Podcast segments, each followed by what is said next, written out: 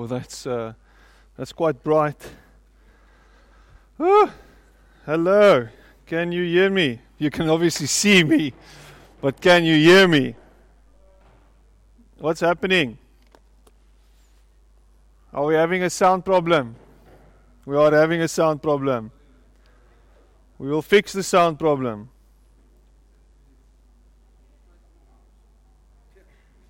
We are having sound problems. We are now fixing sound problems. I have to say, Suzelle's um, assistant Marianne looks uh, rather impressive with that beard of hers. If you couldn't figure that one out, that was Suzelle doing our announcement for um, our yearly spring cleaning day, and his lovely assistant Marianne. So that was quite impressive. So if you want to, you can make these lights even brighter so that I can be blind at the end of the service and then people can pray for me so that I can be healed. It's going to be amazing. Let's see how that goes. Oh, that's better. Thank you. Can you still see me? I'm sure you can. I'm sure you can. Let's let's sit and close our eyes and let's pray together. Heavenly Father, Thank you that you're not somewhere far off. Thank you that you're here and that we are in your presence. Thank you, Spirit of God, that you live inside of us. And that every single day, wherever we are, there you are. Lord, thank you that you're not here only on a Sunday, but that your presence is an overwhelming realness in our lives. Lord, I pray that you would remind us every single day that you are with us and that we are never alone. And as the psalmists say, even if I go through the valley of a shadow of death, you are with us. You are with me. You will never leave me. You'll never turn your back on me. And for that, I'm truly grateful, Lord. Lord, I pray that you'll speak to us tonight. And that when we leave here tonight, we'll, we'll leave with this reminder, and that is that we are your beloved children. And that we belong to you. And that nothing, nothing can pluck us from your grip. And I praise your holy name. Amen. Well, it's nice to see and welcome all of you here tonight on this freezing, freezing Cape Town winter's night. It's absolutely freezing. I spoke to someone who comes, who lives in Bloemfontein. Dewald, where does your parents stay? Bloemfontein. And he said, You know what? This morning I woke up and I, f- I almost froze to death, he said. And it's like 11 degrees Celsius outside. But apparently, Cape Town winters are really cold. Like, really cold. Like, Bloemfontein, it's got nothing on us, baby. It's like a, Bloemfontein's like a, you know, they, they use a different kind of thermometer up there to, to measure the cold. And apparently it's not very well calibrated. But that's the problem, you know, Free State people have, much like people living in Brakpan. Same sort of problem. Unfortunately, it's true. Can I see who originates from Brakpan? Anybody was born in Brakpan. Sister. We'll pray for you after the service. His girlfriend says, I didn't know that. Had I known that?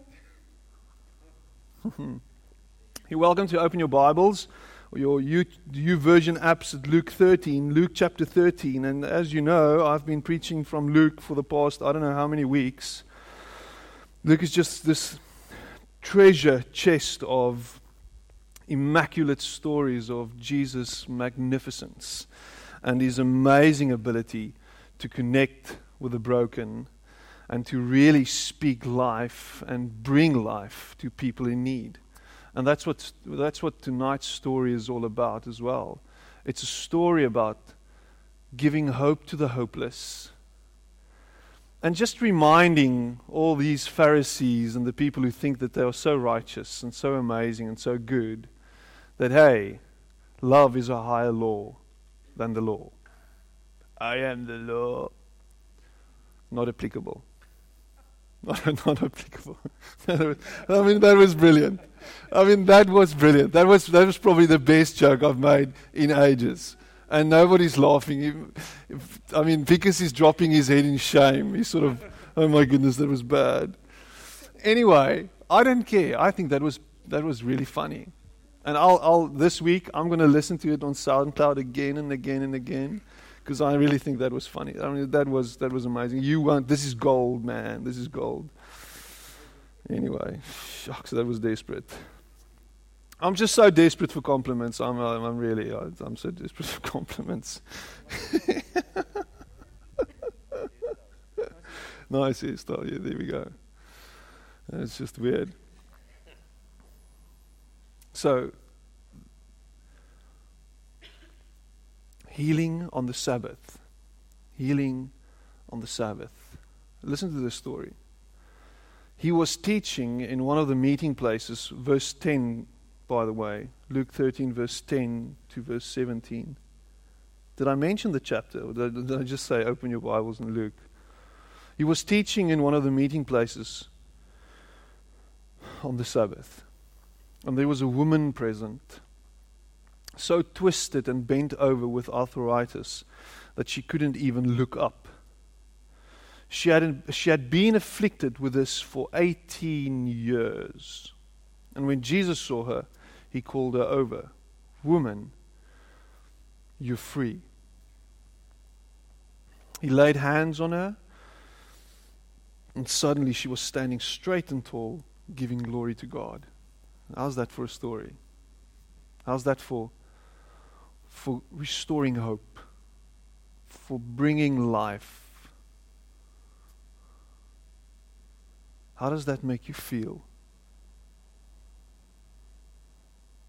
I draw massive, massive hope from this story.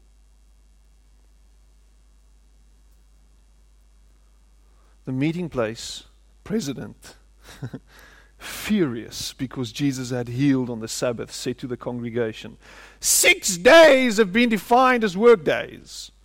Come on one of the six if you want to be healed, but not on the seventh, the Sabbath. But Jesus shot back, You frauds! Each Sabbath, every one of you regularly unties your cow or donkey from its stall, leads it out for water, and thinks nothing of it. So, why isn't it all right for me to untie this daughter of Abraham and lead her from the stall where Satan has had her tied these 18 years? When he put it that way, his critics were left looking quite silly and red faced. The congregation was delighted and cheered him on. You can see this, this drama unfolding.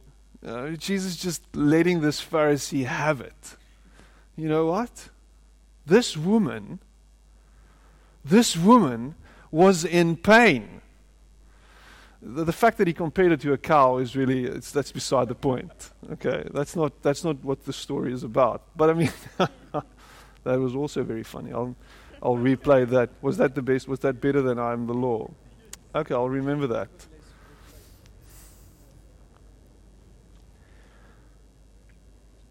But just just think about this for a moment. Just and now I want to sort of delve into the story, but just to to bring it back to the law. We're going to go back to the law. We're we're going to focus a bit on the law. Okay, so get your LA Law hats, and put them on. Um, I'll stop now while I'm ahead. So, Jesus steps in, see this woman afflicted, heals her,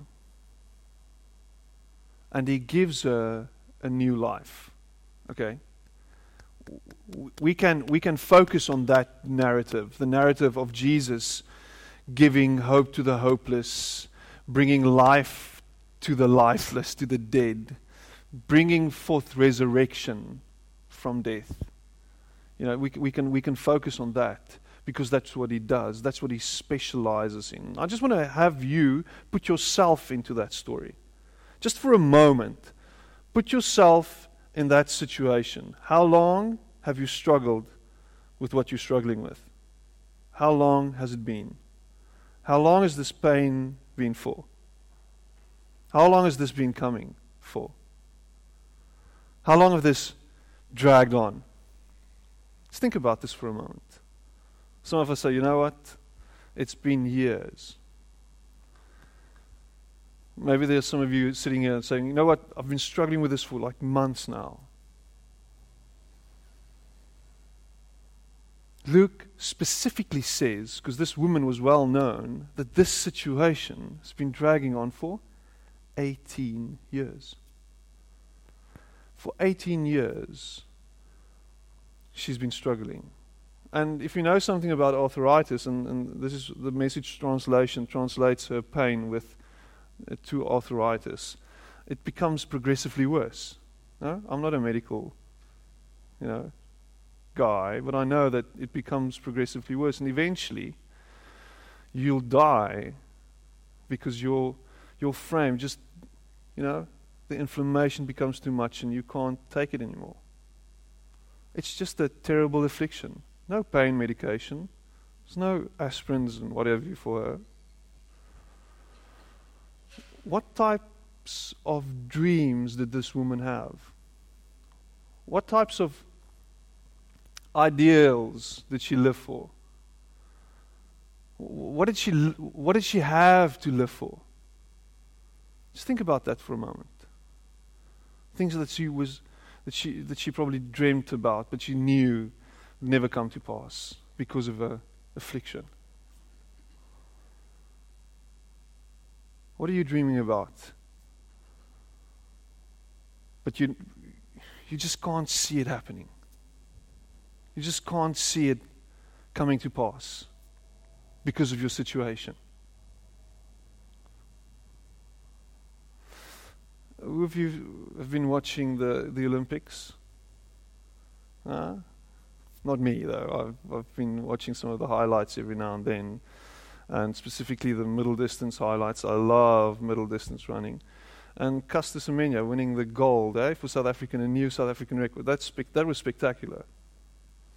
And if you listen to her, and if you listen to most of the athletes, you'll, you'll, you'll hear something about the dreams they had about becoming the greatest, about succeeding and making a success of, of, of their lives. You know, a guy like Michael Phelps retiring and then eventually coming back because he dreamt about some more gold. I mean, how selfish can one guy be? But I mean, that's what his dream. That was his dream. That was his lifelong dream to win golds. His first Olympics. You know how old he was when he competed in his first Olympics? 15 years old. That's insane. So most of his life he's been he's been exercising and practicing to become the greatest. That was his dream. And at 31 years of age, he's the greatest he's ever been. That was his dream. And if you ask this woman, what is your dream? I'm sure she would say something like, I want my grand I want to see my grandchildren when they grow up. I probably want to be there when when when my children have, have children. I want to see them grow up. What type of dreams could she have? No medicine, just and Jesus walks over, lays his hands on her, prays for her and restores her health. The, the, the, the picture is, is vivid. She suddenly stood up straight. And, and, and, and, and you see this picture of, in your mind's eye, you see dignity restored. In one moment, she wasn't just a frame or a body that sort of moved along slowly. She was upright, and there was hope in her eyes. I could see that. And then you get this picture of the Pharisee, the president of this facility, you know, walking in and saying things like, you know what? There are seven days in a week. Why should you be healed on the seventh day, on the Sabbath, when there are six more days left? And you get the, the, the feeling this guy is quite cold hearted. I mean, really? Have you not just witnessed a miracle? Something spectacular? God at work? Heaven meeting earth in a moment? Didn't you just see hope being restored, life being sort of given back to someone who's lost all hope? And you are fixated on keeping the law. I am the law. I mean, it's ridiculous. And you get people hell bent on doing the right thing just for being right. You know, and religious people have this tendency of just wanting to be right no matter what. But the Bible says it's so. And because the Bible says it, I believe it. And that settles it. And that's true. There is a law. And what this guy wanted to do is he wanted to uphold the law. And let's, let's be quite honest about it the law is important. It's important to uphold the law. I mean, imagine everybody just just runs around and does what they what they please, do what they please. They just want to do whatever they please. We we just every man for himself. And this guy was trying to uphold a law that was given to them thousands of years before. Now, so there, there are two origin stories on the law. The one origin story is the story of God resting on the seventh day in Genesis. You know, the story of, of creation, the creation story. You get this picture of God creating the earth, the heavens and the earth, and everything in it and on it and wherever in six days. Quite literally, metaphorically, obviously. There you have an idea of my theology. And then on the seventh day, resting and setting the tone for creation and saying that's how it's supposed to be. There's got to be work, but there's got to be rest as well. And then the second origin story is the story in Exodus, where God leads out the people from Egypt and he says to them, On the seventh day you will rest. Everything and everybody will rest. And it's actually a proclamation of life and of hope and of giving them a future because I took you from slavery. I delivered you from the hands of Pharaoh, and I've placed you in a new place, the promised land, a new country. I've given you a new land. I've given you new dreams. I have given you a new purpose for life. That's what the law was. The law wasn't to restrict them, the law wasn't to contain them and to keep them sort of in order so that, you know, if they step out of the law, then I will just crush them. You get the idea from the biblical writers, you get that from their perspective, but that wasn't the purpose of the law. So they upheld the law in a very strict manner. In, in, in those days, a few thousand years before Jesus, they would physically kill you if you didn't uphold the Sabbath. Oh, so you're out of line. I'll make an example of you and will kill you because you're working on the Sabbath. But there are exceptions to the rule. Uh, it was so funny. I was in Israel, and you know that in, in, in November last year. And maybe you remember me, remember me saying this, but there's a Sabbath elevator in every hotel. A Sabbath elevator. And the way a Sabbath elevator works is you stand in front of it and it comes to you. You don't summons a Sabbath elevator. You don't press a button for it to come to you. It just stops on the ground floor, and then it will stop on every single floor. And you can get in and out. You don't press a button, the Sabbath elevator. That's the way it works. So nothing works on Sabbath.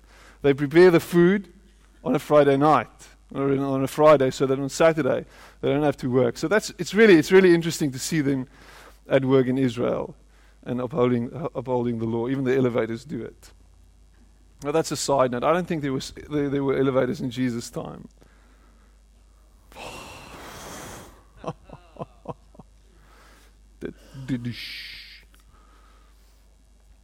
but the law was there so that God could remind them of where they were and now of where they are. They are now resting in Him after what He's done for them. It is a purposeful reminder of the dreams that He has given them. And as a community, we are gathered together and we are now not only living for ourselves, we are living for each other as well. We remind each other of the law, we remind each other of what the implications for Sabbath are. So it's, it's become this, this way of life. But what this president of this council, of this place, is doing, he is upholding the law just for the law's sake forgetting that the law is a purposeful reminder of the dreams that God has laid in the, in the people's lives and in their hearts. This guy was just doing what he was doing and forgetting what it was about, forgetting the love, the force behind it. And Jesus came, and he was a, he was a Jewish person. He was a Jewish rabbi. He upheld, upheld the law. He was doing what he was supposed to be doing. But every now and then, he challenged it. And he came in a situation like this and he saw someone's life, you know, sort of taken away from them and deciding, I am going to take the higher law. And the higher law, the, the law that transcends the law, is the law of love. It's always the law of love. It's always what it's about. The law is about love. But if you apply it mechanically, it becomes, becomes condemning, it becomes judgmental, and it keeps you prisoner. And the Orthodox Jews, 613 laws, 612 laws that they needed to uphold. So Jesus immediately confronts this guy with this very beautiful picture. You know what? So if your cow or your donkey needs water on the Sabbath, what do you do? You lead it out to go have a drink. Are you going to let the thing die of dehydration? And it's just, it's a, it's a farm implement. That's what it is. This is just a, it's just a functional thing. It's for you to make a living with. But you take care of it on a, on a, on a Sabbath. So now here's a person, a person made in my image, made in God's image, struggling, afflicted. All hope is gone. And you want to keep it bound up you want to keep it away from, from life. and, and Jesus says, I'm not going to do that. I'll show you why I came. I sh- I'll show you why I'm here. I'll show you what I'm going to do.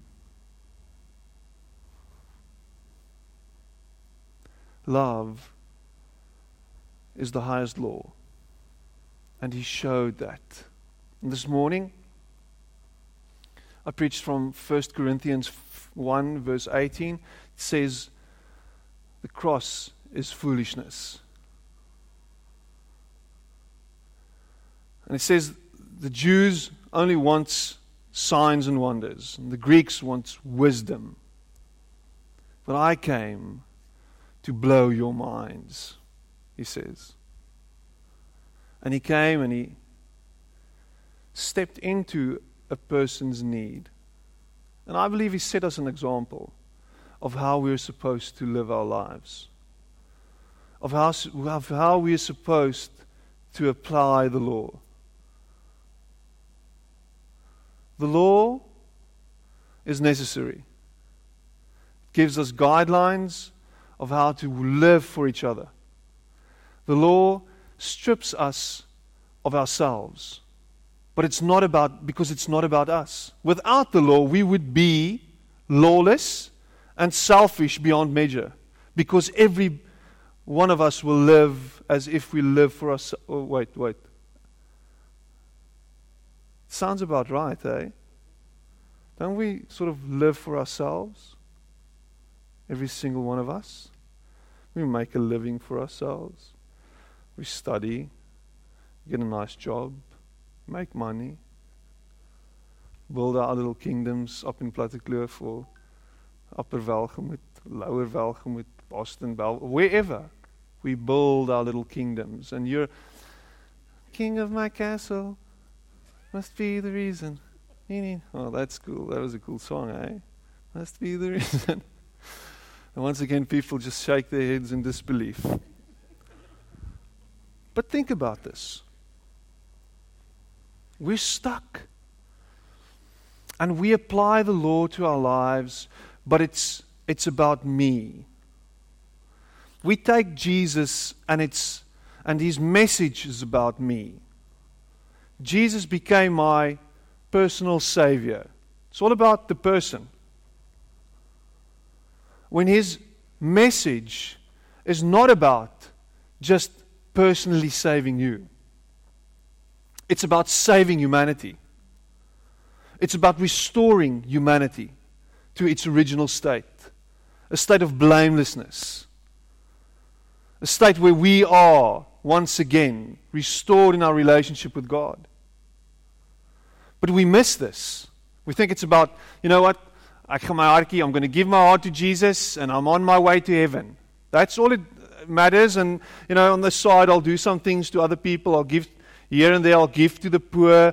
I'll give some of my time to the church. I'll do this for this and where Jesus says, "You know what? Me saving you is so that you can become me in this world." so that you can grasp something about your being here, about bringing life, bringing hope, about healing the sick, giving to the poor, dying to yourself.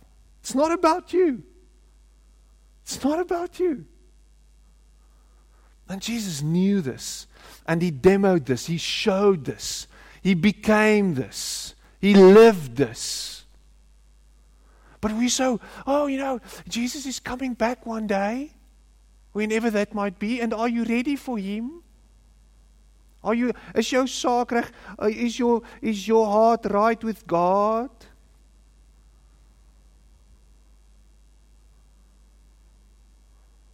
Is your heart right with God?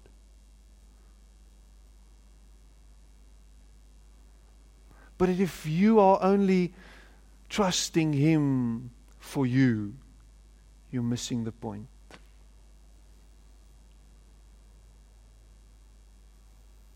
And Jesus came and he showed this guy, What are you doing? This woman is in need. Um, but it's an inappropriate time. It's very funny and strange how God normally works. It's always inappropriate. His timing is never good. Yeah, he'll, he'll catch your butt and he'll save your butt every now and then just in a nick of time. But when he wants to use you, it's normally very inconvenient. Usually. Ek het nie nou tyd. You know what? You, you, uh, just go away, man. I don't want to help you now. I don't have time for this. I, am running late, you know. You know. I've got to be somewhere. You know, I'll pray for you next time, but i am I'm leaving now. I've got to go. I've got to run, you know. I've, I've got an appointment to be at. Uh, but, uh, you know, good luck to you, eh? Just cheers. Where? Bye. Because it's inconvenient. It's always inconvenient. And God will understand, you know. Maybe next time I'll be his hands and feet. And there's someone in need someone who's struggling desperately, someone whose life is totally ruined. Yeah, but he didn't ruin his life overnight, you know. Um, yeah, I'll be. His life will still be ruined in a week's time, from a weeks from now's time. So I'll be there for him then. Oh, okay. I mean, she's been struggling for 18 years, so you might as well say, okay, well, let's let's heal her tomorrow then. It's the Sabbath today. Let's, uh, let's not ruffle feathers, eh? Let's do it tomorrow then. Will you be here tomorrow? You're going to come back then? Can we come fetch you somewhere? Not? okay. Imagine the Bible was written like that. You know, and Jesus said, you know, okay, now I'll, I'll come back tomorrow. Because His law is always the law of love.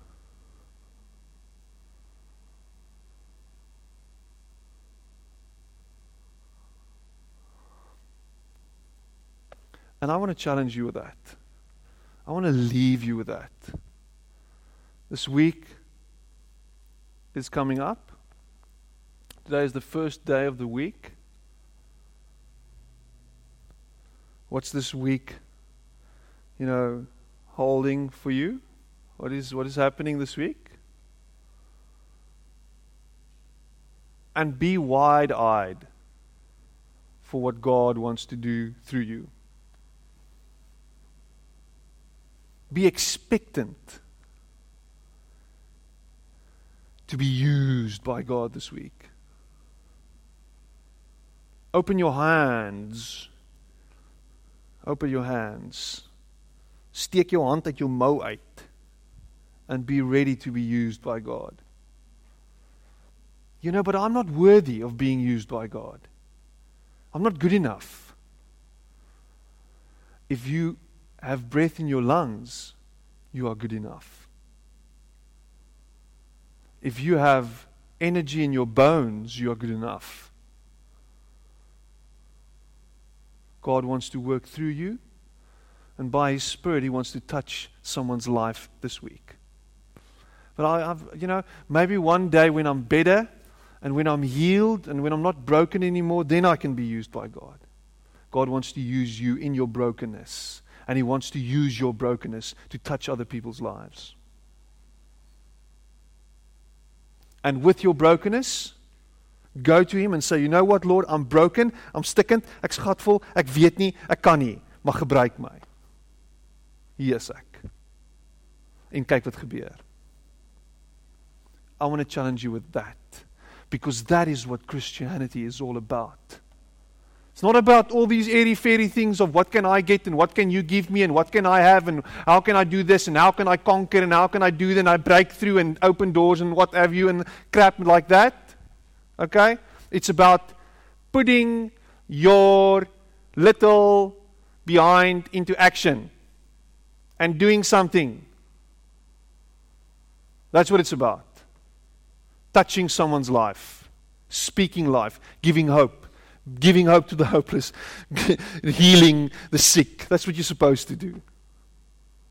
Laying your hands on someone, just touching someone's life, giving someone money, giving someone food, doing good wherever you go.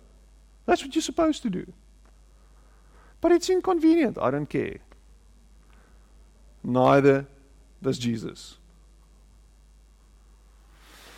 It's always going to be inconvenient. Just trust Him that He will be made visible through you. You know what? atheists in this world need, people who don't believe, people who are far away from Him, they need to see us break into action, doing things, being His hands and feet, living with a conviction of, you know what? My life can make an impact. Living for a greater purpose, for a higher purpose. That's what they need to see. They need to see that. How will they see it? How will they see Him? If we love one another. If we're there for one another. If we're there for them. If we're helping them. If we're making a difference in their lives. Even if it's inconvenient.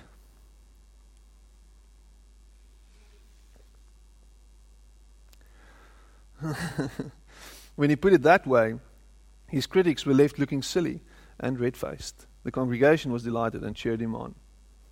People will question you. People will doubt you. People will ask, Why are you living this way? Why are you doing it this way? Why are you giving away your money? Why are you living for other people? Why are you putting yourself second and third and every now and then? Why are you losing? Why, why, why? And you'll say, You know what? Because I believe that God wants to work through me and use me and will become visible through me in this life and in this world. That's all.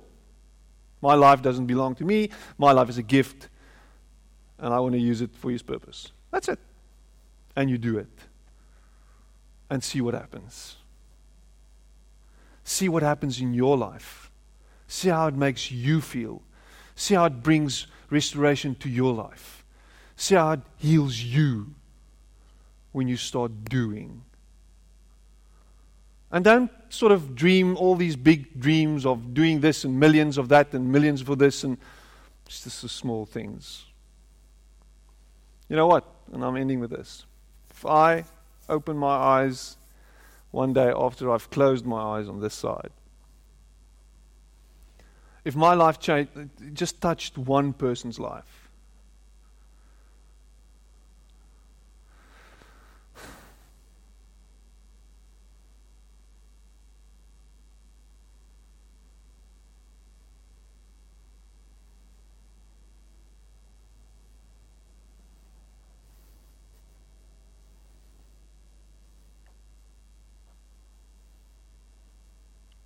it would have been enough.